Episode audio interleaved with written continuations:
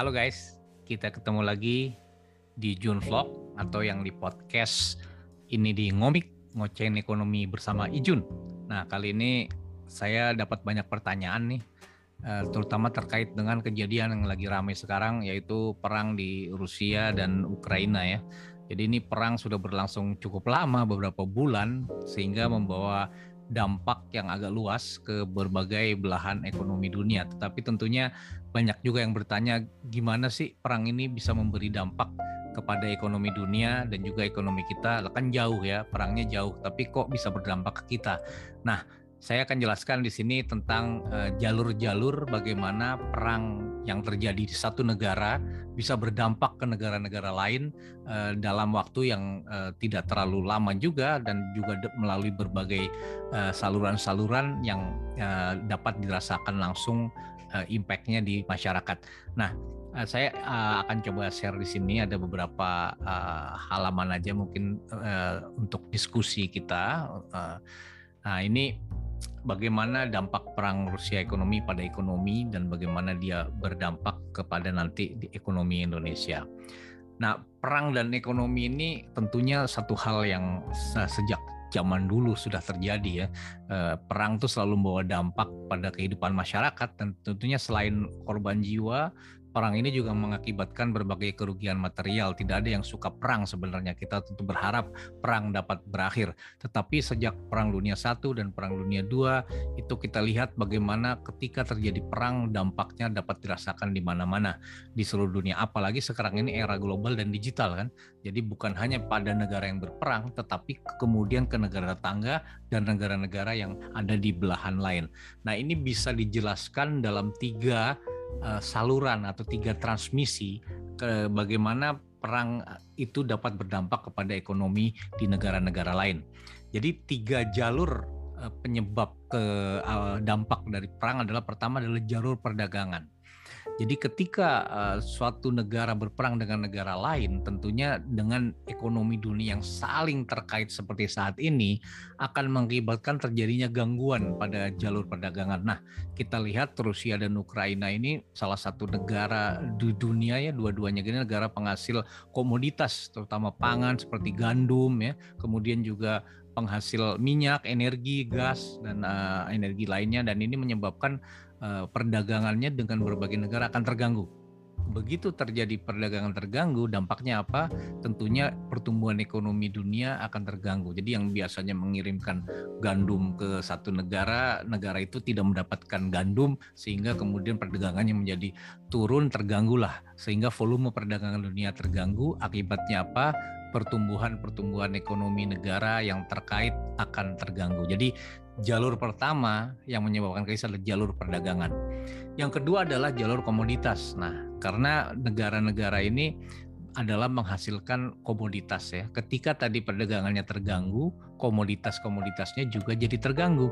Akibatnya adalah apa? Terjadi kelangkaan komoditas gas, minyak, gandum, uh, uh, biji-bijian dan hal-hal yang diproduksi di negara yang sedang berperang ini akan menyebabkan gangguan supply ke negara-negara lain. Akibatnya terjadilah kelangkaan. Dan kalau sudah langka biasanya yang terjadi apa eh, teman-teman? Yaitu harganya naik ya.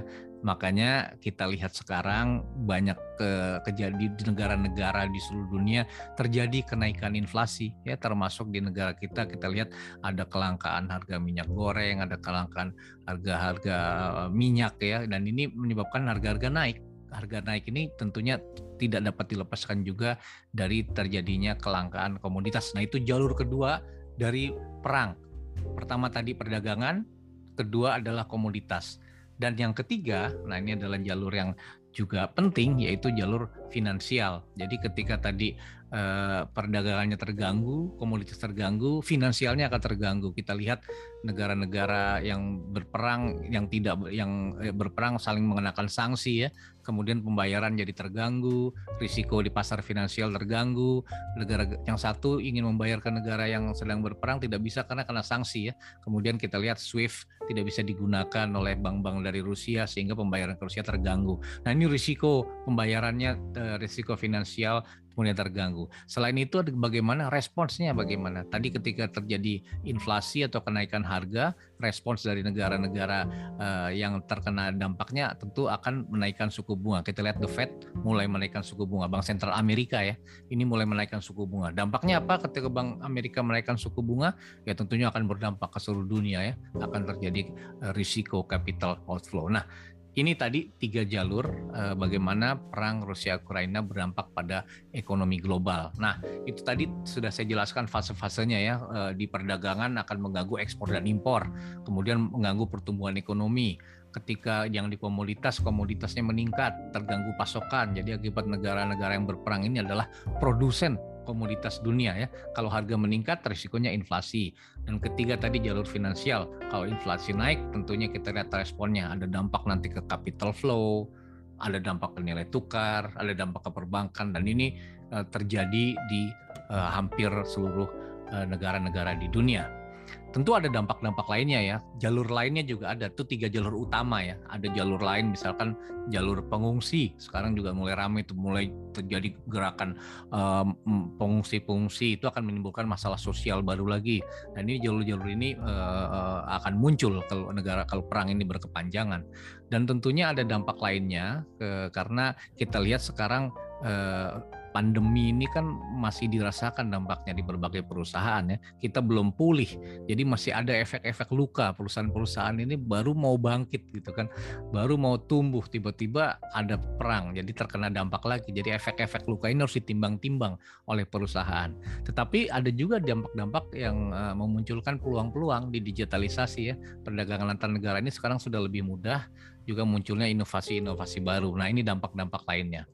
Nah, Terus gimana dengan Indonesia? Tentunya kita melihat uh, tentunya kita uh, tidak langsung beranggapan bahwa ekonomi Indonesia ini langsung terkena dampaknya karena kita melihat kondisi kita saat ini uh, masih jauh lebih baik ya dibandingkan negara-negara kondisi kita saat beberapa tahun lalu ketika krisis juga dibandingkan negara lain ya. Kita lihat karena apa? Neraca pembayaran kita ini sekarang masih relatif kuat ya. Defisitnya masih terkendali bahkan uh, jumlahnya juga uh, uh, tidak besar ya kemudian rupiahnya masih stabil nah ini uh, menyebabkan kita lihat rupiah masih bergerak stabil saat ini kan uh, kalau kondisinya seperti ini kemudian juga korporasi perusahaan-perusahaan di Indonesia ini relatif masih baik kondisinya ya penjualan juga masih meningkat belanja modalnya masih tinggi, permintaan kredit masih cukup, dan tentunya didukung oleh maraknya ini. Sekarang ini kalau lihat di TikTok, di